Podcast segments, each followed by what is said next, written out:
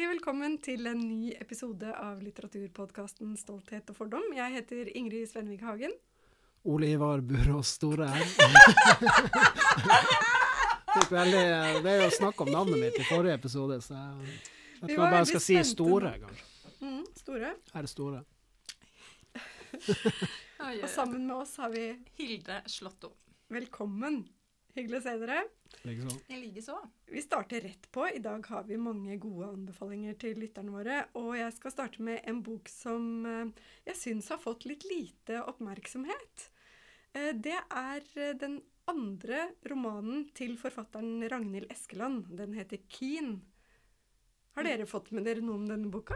Nei. Nei. Nei, jeg har lest om den, men det er fordi jeg gjør research Ja. til, til videregående. Jeg tenker Mm. den passer til videregående, men jeg har ikke lest den. Jeg har lest den, og jeg ble veldig positivt overraska. Jeg syns det var Eller, jeg hadde egentlig ikke hørt så mye om henne. Jeg bare fått henne med meg. Hun er forfatter på Pelikanen. Har skrevet en bok eh, før som heter 'Føling', som jeg driver og leser nå. Mm. Eh, men 'Keen' handler om ei jente som heter Rebekka, som eh, vokser opp i nærheten av eh, skogen, og med et veldig sånn tett bånd til skogen. Og hele boka starter med et uh, sitat fra en svensk forfatter som heter Birgitta Trotzig, eh, fra en kjent bok som heter 'Dykungens datter'. Og allerede da tenkte jeg at dette her må være en bok for meg. Fordi uh, det er den derre nærheten til naturen, og særlig skogen, som jeg kjenner veldig godt igjen, siden jeg er oppvokst i skogen, ved Kongsvinger. Um, og eh, det fenga meg veldig i starten. Men det er en utrolig god roman som handler om oppvekst, om gryende seksualitet, om vennskap og familie. Hovedpersonen har eh, to venninner som hun har et veldig sånn eh, typisk sånn 15-åring-vennskap med.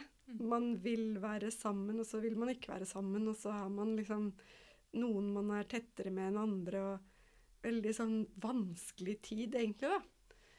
Og hun klarer å beskrive det så utrolig godt. Den der, de reiser på hyttetur, og så er det noen som blir veldig slitne av å sykle, og som ikke har lyst til å sykle, og som vil stoppe og ha vann og skal ikke sant, Hele tiden liksom ikke, De er ikke helt på samme nivå, da. Og det gjelder forskjellige ting, ikke sant. Det er én greie. Og så er det sånn Hva skal vi spise? Alle de der diskusjonene som blir veldig viktige, da. Um, også litt den derre hvor ting forandrer seg veldig fort. Plutselig så skal man ut og gjøre noe helt annet enn det man egentlig hadde tenkt, og så blir det noen som er redde og engstelige for det. Også. Mm. ja. Sånn som jeg kjente igjen veldig fra min egen oppvekst. da. Det er kaos. Ja, det er kaos. Ja. Og det er vanskelig å finne ut hva man skal si nei til, og hva man skal si ja til. Og det er veldig mye det det dreier seg om. Mm. Fordi når disse tre jentene er på um, hyttetur, så er det noen gutter som telter i nærheten. Og så er det liksom sånn Skal vi nærme oss dem? Og så gjør de det. Det er tre eldre gutter som er på telttur i skogen like ved hytta. Og så innleder hun Rebekka et forhold til um, en av gutta som heter Jørgen. Og dette forholdet blir veldig sånn sterkt. Og dette her er på slutt Eller det er i hundedagene, som det heter. Mm. em, i, um, mellom rundt 23. juli og tilsvarende 30 dager til august. Mm. Uh, hvor det er liksom Det er klamt, og det er hetebølge, og det er varmt ute i skogen, og det er liksom Litt sånn mystisk også. Utrolig fascinerende hvordan, eh, hvordan disse her relasjonene blir liksom påvirka av eh, Om ikke naturkreftene, så i hvert fall omgivelsene sine. da.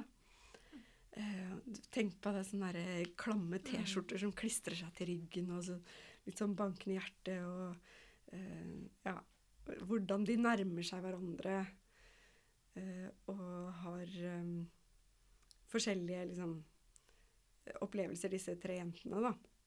Nå er det Rebekka vi følger, og hun har akkurat mista faren sin, og det er veldig viktig i denne boka her, fordi han har lært henne alt som er verdt å vite om å være eh, i naturen.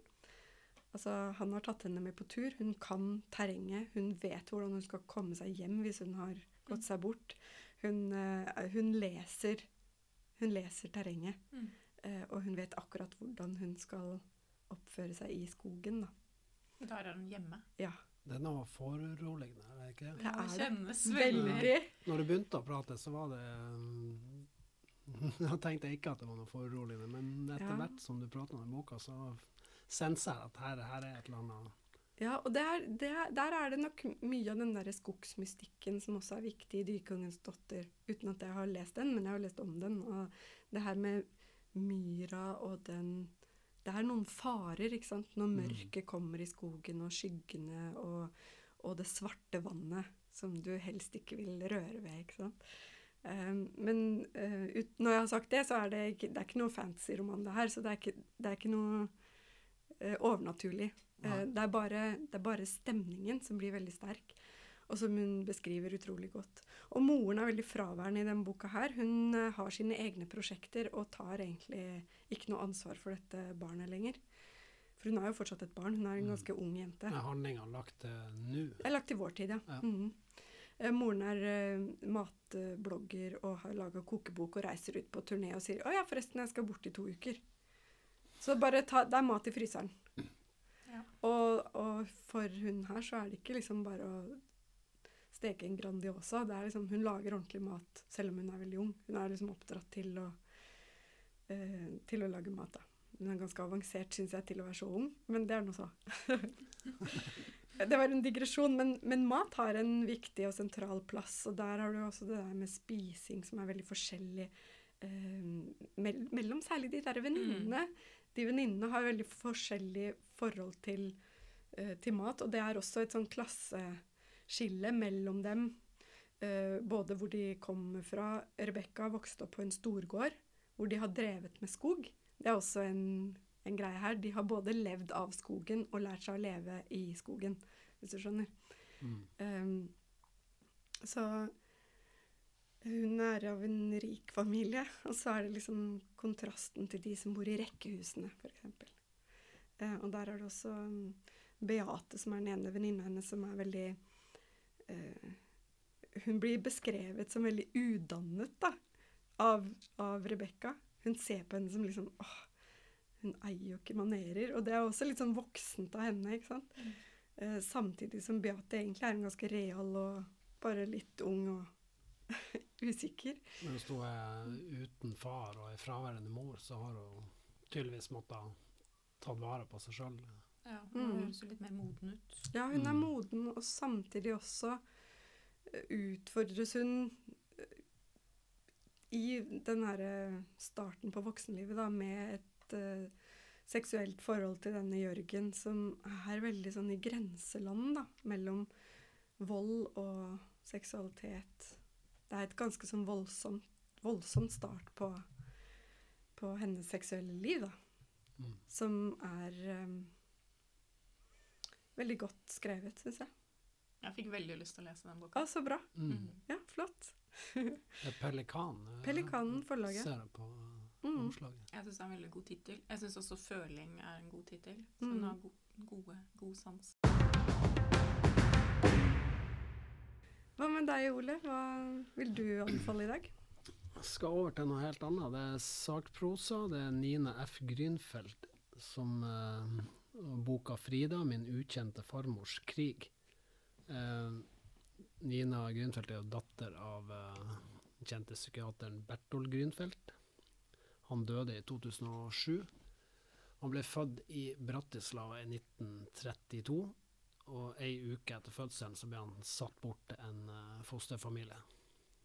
Han møtte bare mora Frida én gang, det er like før han eh, reiste til Norge som flyktning i 1939. Eh, han kommer på sånn Nansen-pass. Ja, akkurat. Hvor var det du sa han var født? Ja, Bratislava. Bratislava. Mm. Så um, det Nina Grünfeldt gjør i denne boka, er jo å reise, snakke med folk, lete i arkiver for å finne ut mer om uh, farmora si. Det er jo helt fascinerende at det går an, når du vet så lite, egentlig. Ja, og hun finner jo noe, men hun finner jo ikke veldig mye. Men hun klarer på en helt utmerket måte å sette de sporene sammen til Mhm. et slags portrett av av farmora si. Men det å finne er jo tragedie på tragedie. Mm. Mm. Så det er jo eh, et eh, tragisk liv fra start til mål. Så Frida livnærer seg som prostituert, er slave, og ender opp med å bli gassa i hjel av nazistene i 1945. Ah, for frysninger. Eh, så det er imponerende bruk av kildemateriale, syns jeg. Mm. Eh, på den ene sida hvordan hun klarer å få det til å bli en saklig uh, fortelling om mellomkrigstid og verdenskrig og fremveksten av nazisme og holocaust og eh, Samtidig som det er den der individuelle historien om farmora si. Og det er også til tider veldig spennende å lese om. Så eh, jeg syns det her var en skikkelig god bok som, eh, som du kjenner liksom inntil beinet når, når du leser. Mm. Så jeg er stålimponert over eh, måten du har eh, komponert den på. Jeg lurer på om jeg så den var veldig på mange lister over årets beste bøker i fjor, Ja. i 20. Mm. Ja, det vil jeg tro. Altså på kritikerlister. Mm. Mm. Jeg var skikkelig Det høres veldig spennende ut. Mm. Jeg blir veldig fascinert når man vet så lite. Altså, begynte hun å jobbe med det her før faren døde? Ja, altså, hun reiste jo tilbake med faren for å prøve å, å finne ut mer. Ok. Så det, de Ja, lagde, det de lagde en også film om det, eller TV 2-team som var med dem òg, men oh, da finner de De skal besøke en som de Ja, antar, er, antar er broren hans. Og oi, Oi, shit, det var litt ekkelt. Har vi ikke Nå ble det helt mørkt. Nå ble det helt mørkt. Har du noen mobiltelefon med lys, Ole? Dette her får jo ikke lytterne med seg. Å, oh, shit, det var litt ekkelt, Ole! jeg skulle vært på krimmen. Og trommet seg.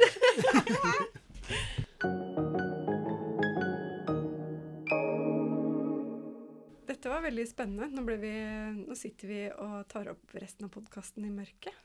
Det har vært strømbrudd her, men eh, vi kjører eh, videre.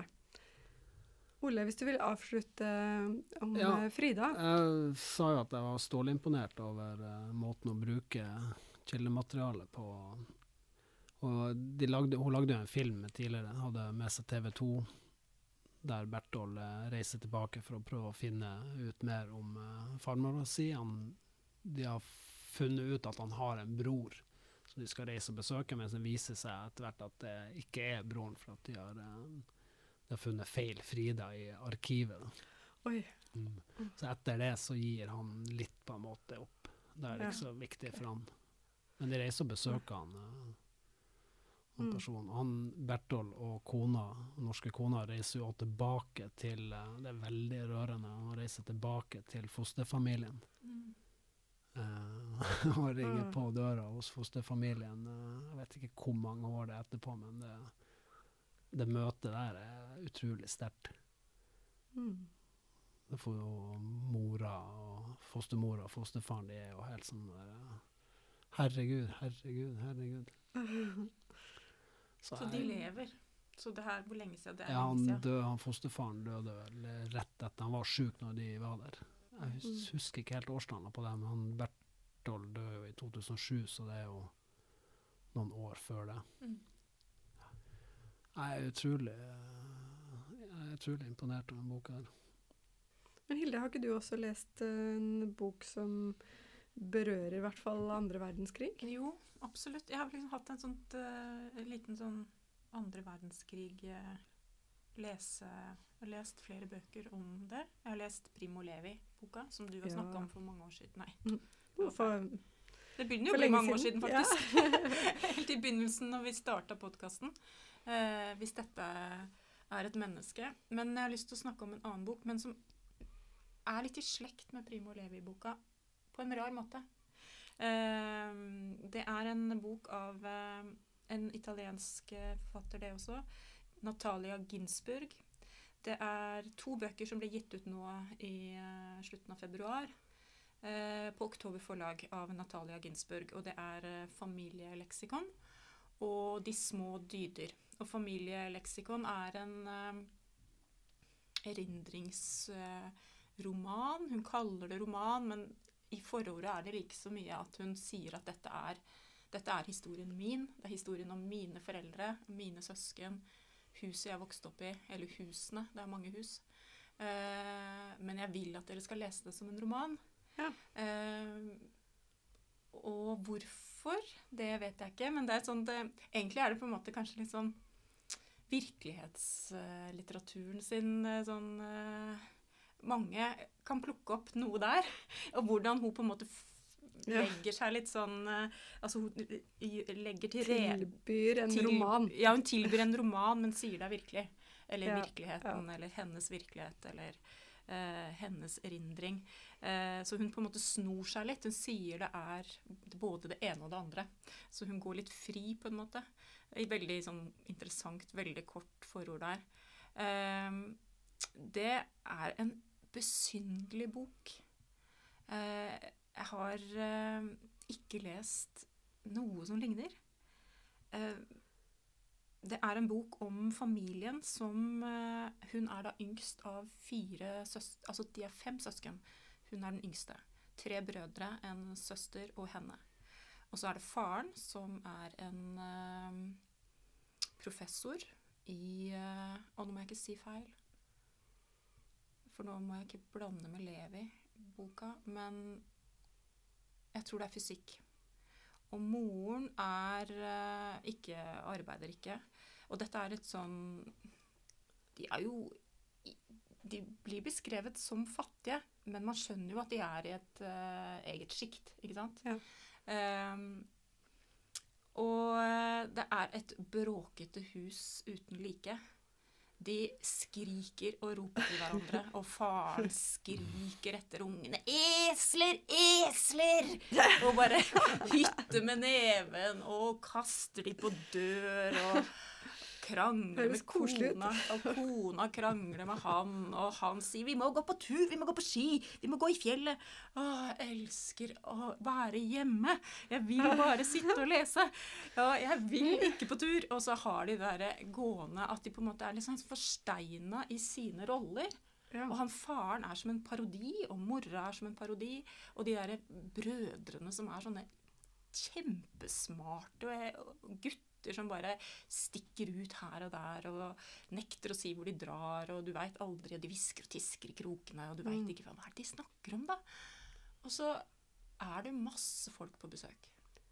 Og det snakkes, og det gestikuleres, og det er mat, og det er eh, ikke minst de som jobber i huset. Alle hushjelpene. Hun som kommer for Oi. å sy alle klærne. Ok, nå skjønner jeg hva du mente, at det er et visst sjikt Ja, her. Det ja. er ikke liksom men, fattig, men det beskrives som fattige, men Oi, det er ut ifra hennes Er det fordi de har vært rikere, da, eller? Fordi Det, det, det får vi ikke vite. Har ikke peiling. Ok. Og så sa du noe om hvor dette var? var det, er, for jeg Nå ser for meg Nord-Italia. Torino. Torino. Ja. Mm. Vi er i Torino. Og derfor jeg også sier litt det med Primo Levi, for han er også fra Torino. Mm. Eh, og så er det bare masse navn som slenges inn. Det slenges inn navn på navn inn i den her eh, alle de som kommer innom. Og så begynner man å se Olivetti. Er ikke det en veldig kjent familie, da? Og så må man gjøre litt sånn Google-søk. Ja, selvfølgelig. Det er jo Olivetti-familien som lagde skrivemaskinene. Eh, og var kjempe De var på en måte pionerer i hvordan de sosiale Altså hvordan de delte overskuddet med arbeiderne sine, og var på pionerer sånn på venstresida, da. ok. I, eh, når det gjaldt eh, fabrikkvirksomhet og arbeidere og og så er det han som leda det sosialistiske venstrepartiet. Han er innom støtt og stadig. Så du skjønner jo på en måte Jeg må på en måte liksom lete og finne og skjønne på en måte at OK, dette er jo bare et utrolig intellektuelt sjikt, liksom. Men sier hun noe om det? Nei. Det har ikke hun tenkt å si noe om. For det er bare helt selvsagt? For det, det bare slenges inn alt, og alt de driver med, det er bare sånn å fortelle, Mora forteller eh, samme historien om familien, og de bare Å nei, nå begynner hun igjen om den der bestemora. Som de har liksom tre historier. De har ikke noe mer. Det er tre historier, og den går igjen og igjen og igjen. Sånn at det, det hun på en måte beskriver, er en sånn Alt er sånn fastfrosset i hvordan eh, de er. Faren er en sånn oppfarende, pedantisk eh, tyrann. Og mora er en sånn åh, nei, orker ikke, jeg vil ikke. Og jeg fryser sånn. alt bare er, og alt er beskrevet til minste detalj. Hva de har på seg, hvordan møblene ser ut, hvordan eh, de går, hvordan de hoster. Alt er liksom kropp og eh, kutymer, hva som på en måte liksom bare gjentar seg inni denne familien. Og så skjønner man jo etter hvert, fordi hun skriver kanskje én setning, og så ble broren min arrestert. Øh, Ok. Ja, for han var jo med i fascist, eh, antifascistbevegelsen. Jaha. Så alle de Så store, Alle de store, store hendelsene tingene. er eh, på en måte utelatt? det er De helt bare utelatt. Hun Det er trekker én setning, og så er det Mm. sånn Han prøver å rømme Han uh, blir tatt fordi han driver Han ene broren driver med illegal trykk Han trykker illegale pamfletter osv. Og, eh, og så blir han eh, nesten tatt av politiet. Eh, og så må han flykte over til Sveits. Eh, det er en Mm. sjø der, eller en elv. Så han blir nesten tatt mens han flykter, og så er det noen sveitsiske politifolk som klarer å hanke han inn på andre sida. Så han blir flyktning da over i Sveits. Og dette liksom går faren rundt og brisker seg med. Ja, det er jo veldig flott da, med denne sønnen som, er har, som politisk eh, på venstresida. Og dette er ordentlig politisk arbeid. Og, og så lese om den hendelsen, og så er jo det en sånn det er en kjempekjent hendelse i antifascistisk eh, eh, historie. Mm. Så den er så rart skrevet. Den er på en måte Alt som er grusomt, er utelatt. Og denne familiens Og det som på en måte Du, du forstår jo at det er jo litt sånn tyrannisk familie, men det er også noe veldig trygt i Ja. det at alle er helt sånn inne i sine roller. Mm. Og, eh, og denne Natalia, da, som er den yngste, eh, som nesten ikke sier noen ting, og som bare gjemmer seg i hjørnet og bare ser og ser og ser og ser, og er på en måte bare en sånn observatør. Hva med henne, da? Helt nesten ingenting. Nesten ingen personlige Hva hun tenker og føler. Veldig spesiell bok. Så det fascistiske og krigen som er i ferd med å komme eh, Alt liksom holdes på lang avstand, men du skjønner jo at det er jo det som er midt oppi. Det er det som er der. Det liksom veldig, veldig rar måte å skrive på, som jeg er veldig fascinert over. Ja, det er, jeg sitter og lurer Mm. litt på hva du syns er interessant med den. Du høres litt oppgitt ut når du Jo, fordi det er jo noe veldig rigid i måten hun beskriver det på. mm. Eh, akkurat som hun er liksom fanga i det rigide. Eh, og så er det akkurat som hun ikke Hvis hun sier noe om det som skjer der ute, så er det akkurat som veggene eh, kollapser. Jeg får liksom følelsen av det. At det er noe måten hun holder alt unna på. Dette er jo en erindringsbok som hun skrev og kom ut med i 1963. Mm. Eh, så det Og så er den først oversatt til engelsk og norsk nå. Ja, og så har den kommet på engelsk i 2018. Og så har Ja. den kommet på norsk nå, og, Ja. og på en måte fått en sånn renessanse, eller hva man skal si. Natalia Ginsburg er jo, var jo kjempekjent i Italia. Eh, så den boka ble jo tatt imot med sånn Alle visste at hun hadde Kjente alle disse kjente Ja, menneskene. Så hun var på en måte en intellektuell som folk visste godt hvem var. Hun hadde jo Mm. gitt ut flere romaner. Eh, hun var gift med eh, Leonid Ginsburg, som var en kjent forlegger. Så når boka kom ut, så var jo alle veldig Så der er jo Italienerne visste jo alle disse navnene og hvem de var. Mm. Så de leser den boka på en helt annen måte. Mm. Så de Mm. kasta seg over denne boka og var kjempesugen på å få liksom, innblikk inn Ja. i venstresida under eh, fascismen og i begynnelsen av krigen. Mm. Eh, så den ble solgt eh, i 500 000 eksemplarer, og hun vant Strega-prisen, som jo er den eh, største italienske høythengende litteraturprisen. Eh, så det er klart at det er helt annerledes for oss å lese den. Men hun har jo valg, velger jo den måten å skrive på veldig, veldig veldig bevisst. Ja. Og det jeget som hun skjuler og tar vekk Hun på en måte er en del av et kollektiv, da. Eh, hun er en del av familiens kollektive. Hun er en del av jøde... Altså, de er jøder. Og den jødiske historien. Eh, og så er hun en del av det italienske kollektivet. Eh, så det derre jeget får ikke rom. jeg er veldig fascinert. Veldig rar bok. Eh, veldig interessant hvordan en krigshistorie kan fortelles uten at den, krigen egentlig er med. Ja, det høres veldig spesielt ut. Mm. Så må sjøl legge til uh, Ja, hva det, som skjer utafor Ja, husets som- fire vegger. ja, og det som er veldig interessant, er jo med De små dyder, som er da en essaysamling som eh, Oktober gir ut samtidig. Den er så eh, interessant å lese samtidig. Fordi der har hun korte essays om f.eks.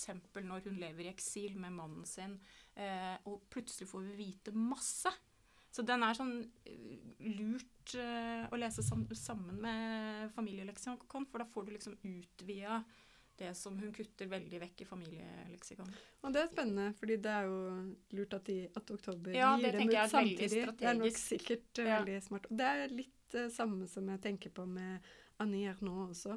Ja. Selv om det ikke er samme forlaget, så er det litt uh, De ga jo ut to bøker samtidig, ja. uh, Gyldendal. Mm.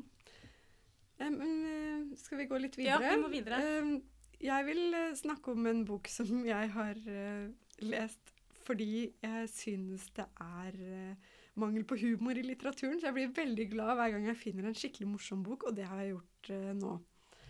Den heter 'Du og jeg og Vito' av Bjarte Arneson. Det er en novellesamling fra 2018 gitt ut på Tiden forlag. Og det er altså så morsomt. Fordi hver av novellene starter med en linje, første linje fra en barnesang. Altså 'Du og jeg og vi to'. Mm. Eh, og alle novellene starter og avslutter med en linje fra en sånn barnesang. Jeg skal lese et lite utdrag, hadde jeg tenkt. Fløy 1, liten blåfugl gjennom eh, vinduet, sa Philip. OK, klinikksjefen noterte det raskt i skjemaet sitt før han tittet opp igjen. Fløy 2, noe å rapportere. Og sånn Sånn er liksom alle, alle startene på disse novellene som er helt utrolig morsom lesning, og veldig forskjellige typer historier. Eh, Det er f.eks. en eh, det, Hele boka starter jo med gubbe Noah beit seg i toa, så det gjorde vondt. Skikkelig vondt. Etter å ha kjent på smerten i en tid og forsikret seg om at han ikke blødde, snørte han på seg sandalene igjen og gikk inn til kassirene. Det syns jeg er veldig, det er veldig gøy hvordan han liksom Det virker som en litt sånn vill idé man har fått en eller annen gang, og så har han bare tenkt at å ja, men det er jo masse gøy man kan skrive mellom dette her. er- Hvordan kan jeg bruke det materialet? Og så gjennomføre det som han har gjort til denne boka, her er veldig underholdende. Men er det første boka hans? Jeg har aldri hørt om forfatteren. Og nei, det er ikke den første boka. Nå har jeg glemt litt rekkefølgen, det var litt dumt.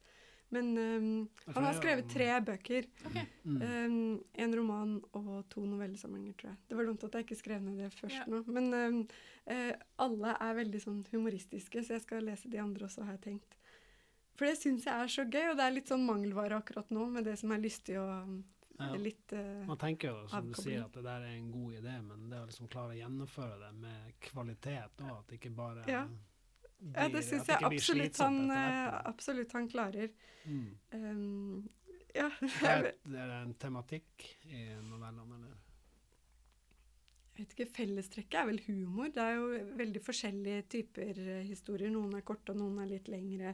Men alle er veldig morsomme. Det er vel det jeg kan si.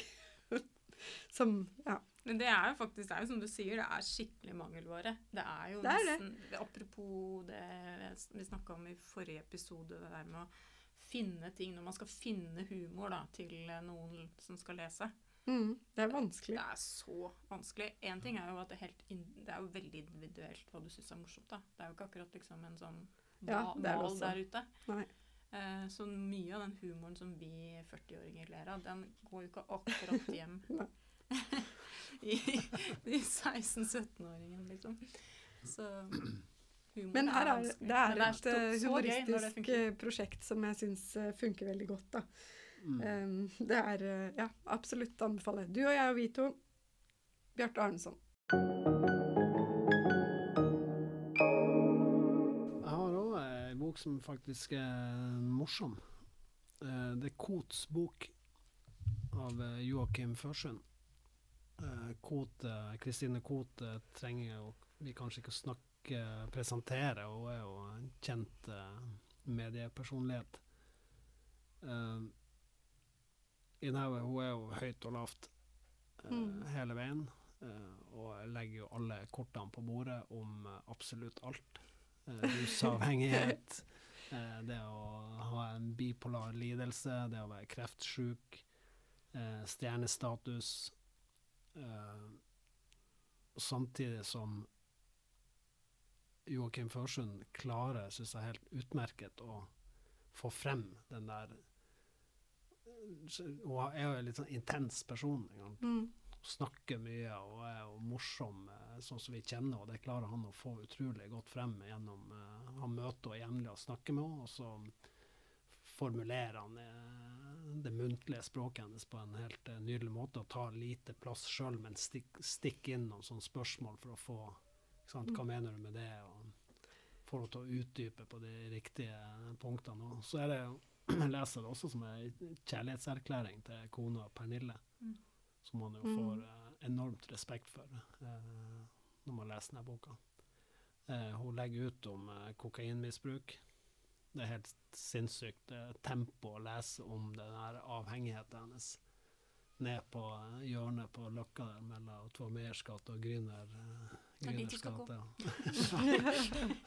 og hente, hente hos dealeren og prøve hele tida å skjule det. og Legge seg inn på avvenning et par ganger. Altså begge, begge damene, eller Nei, Kristine, bare, eller bare hun. Mm. bare Kristine Koht? Ja.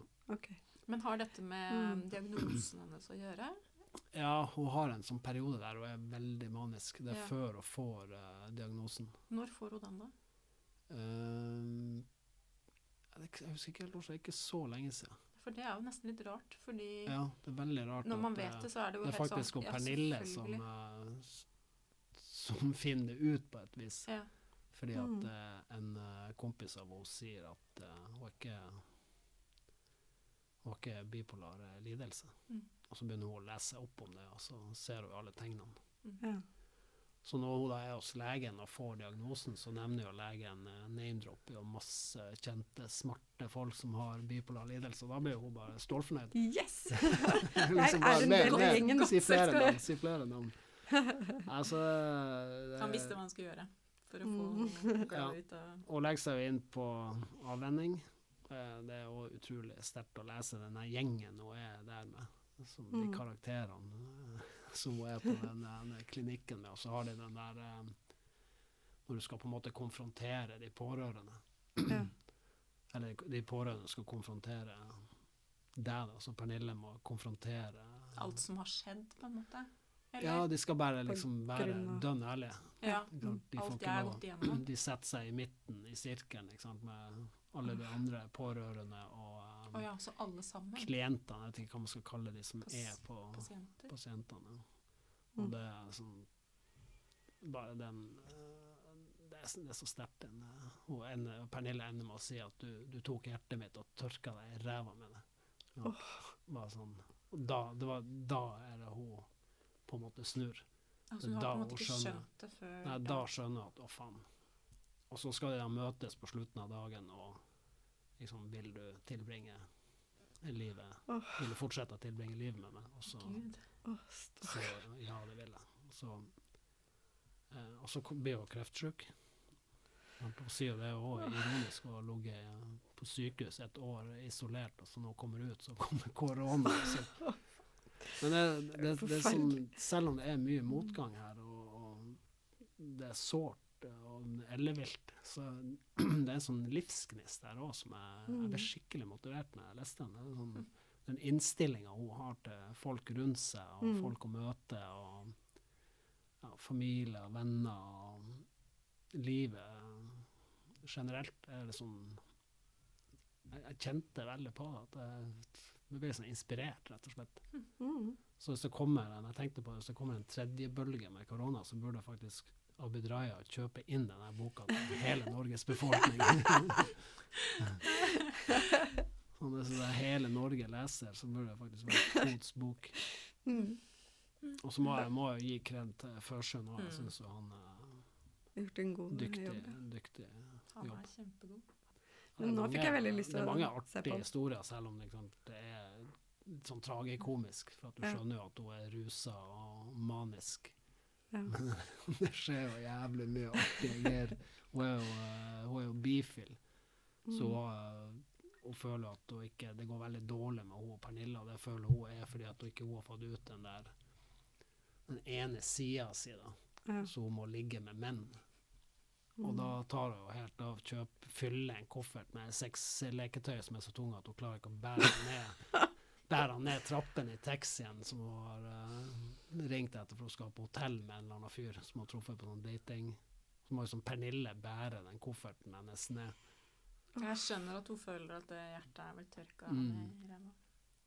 det er veldig mye sprø ting som, eh, som skjer. Mm. Jobbintervjuet er på NRK. Hun ringte bare NRK eh, og hørte på eh, Mamma Razzia, det det heter. Ja. Så hun ringte bare dit og snakka med og, eh, sjefen her at eh, hun ville jobbe i NRK. Ja. Jeg har en erfaring? Nei, det har jeg ikke, men eh, det får jeg jo når jeg begynner å jobbe for deg. ja, men du må ringe en eller annen studentradio først og få erfaring. Så ringte hun dit, og så var hun på lufta samme kveld, og så uka etterpå så ringte hun tilbake til NRK. Nå har jeg erfaring. og så på jobbintervjuet, så eh, det er Anne Lindmo er jo der òg, da. Så på jobbintervjuet så ender det med at hun ligger og kryper under bordet og biter Anne Lindmo i lårene. Og alle andre bare sånn Hun der kan vi ikke ansette. Mens Anne Lindmo er sånn Hvis ikke vi ansetter henne, så kan vi bare legge ned hele bedriften. Og sånn kom hun inn i eh, greia. Hvordan skal man gå videre til en dypt tragisk Sorgen og gleden. Ah, Hilde, en Ja. siste En siste tragisk bok på tampen, tenkte jeg. Jeg har jo lest italienske bøker eh, av Eller plutselig så blir det sånn. Det syns Ja, jeg er litt det er litt gøy hvordan man plutselig Plutselig har det blitt et tema, på en måte, når man eh, Ja. Ja, litt at du blir interessert, og så Så følger du det videre, du det sporet litt videre. Ja, og så er det noe altså. som er litt tilfeldig òg, fordi at Ja. Eh, plutselig skulle jeg jo anmelde Ginsburg, og så skulle jeg lese Primo Levi til uh, rein tekst, altså til Foreningen Les. Og så hadde jeg kjøpt uh, denne boka før jul. Eh, og så kom den i posten rett over jul. Og den boka heter Og det er en bok som på, Den er jo oversatt til engelsk, den er ikke oversatt til norsk. Jeg, eh, og jeg leser jo ikke italiensk, så den heter 'Farewell Ghosts'. Eh, av en eh, ganske ung eh, italiensk kvinne som heter Nadia Terranova. Terranova. Eh, og det er en veldig Det er en roman som kretser rundt det å ha mista en pappa. Og det er jo ikke noe nytt. Vi har jo snakka om det i alle tre har hatt en bok om det. mm. Eh, det hun gjør, er at hun eh, Det handler om en reise hjem. Mm. Ida hun eh, har flytta til Roma når hun er blitt voksen. altså Hun flytter på en måte med en gang hun kan, fra Sicilia. Eh, og rømmer på en måte fra en mor som er eh, helt sånn forsteina i en sorg Hva skal jeg si Det er på en måte en sånn Det er litt det samme som den Ginsberg-boka, at det snakkes ikke om det som har skjedd. Så hun er forsteina i det å ikke snakke om at faren til Ida gikk ut døra når hun var 13 år, og kom aldri tilbake. Mm. Så de aner ikke hva som har skjedd med han, og nå er hun eh, snart 40 år. Og så får hun eh, Hun lever da livet sitt uh, uten å ha noe særlig kontakt med moren, bare sånn sporadisk og ikke noe, eh, noe tette bånd i det hele tatt. uh, med en, sin mann, Pietro, Uh, som Hun lever et ganske sånn De har en slags innforståtthet med at begge har liksom lidd Om det er et tap, jeg vet ikke. Jeg vet, kjenner på en måte ikke hans historie, men han er nok veldig lik henne. Så de har en slags innforstått med at de er en slags uh, enhet. Mm. Men de har f.eks. ikke noe seksualitet sammen. Uh, de har ikke noe som på en måte De har en annen uh, nærhet. Men det er noe som er dødt imellom dem også. Så hun drar Moren ringer og sier at 'jeg skal rydde, at- ryd- ryd- rydde ut av huset'. For nå tenker jeg at nå må jeg bare selge det. Eh, og du må bare komme hvis det er noe du trenger av, så ikke jeg kaster ut noe som er ditt, eller Så hun reiser for første gang tilbake. Eh, så det er jo en veldig sånn klassisk eh, oppbygning, men den er veldig langsom og dvelende ved alt det som på en måte all denne, at, at denne sorgen har tatt hele plassen i livet hennes. Nettopp Mm. fordi den er så fraværende. Så det, ligner, det er noe Mm. likt ved den andre boka jeg snakka om. En slags fortrengning, bare. En, ja, den er Den tar så mye plass at Mm. man ikke kan snakke om den. Eh, man kan ikke Det er ikke mulig å på en måte benevne den. Det er ikke noe mulig å si hva, hva slags påvirkning den har i livet hennes. Men den har liksom gått inn i hver eneste pore i denne eh, kvinnen og styrer på en måte livet hennes. Eh, hvordan hun oppfatter verden, og hvordan hun har forholdt seg til andre mennesker. Eh, hvordan hun ikke klarer å ha noe særlig nærhet til noen, eh, osv. Så, videre. så det er på en måte en sånn sakte, men sikker så går hun tilbake eh, til barndommen sin og begynner å liksom å pakke opp eh, hvordan dette livet var før han gikk ut døra. Eh, den er veldig sånn stille og veldig, veldig fylt av eh, smerte. Mm. Så, eh, og den er nydelig skrevet. Og den er nesten litt som det er en slags spenningsmoment i hun leter etter Hun vet at det er en eh, boks eh, som hun er veldig redd for at moren skal kaste, så det er derfor hun er kommet hjem. Um, så det er på en måte litt det spenningsmomentet er hva er det i den boksen, da. Mm. Mm, som vi jo får vite helt til slutt. Så den er en sånn utrolig En liten sånn um, Jeg likte den veldig godt. da, Den gikk veldig inn i, inn i meg. Eh, men den er jo ikke veldig mye som skjer. Og det er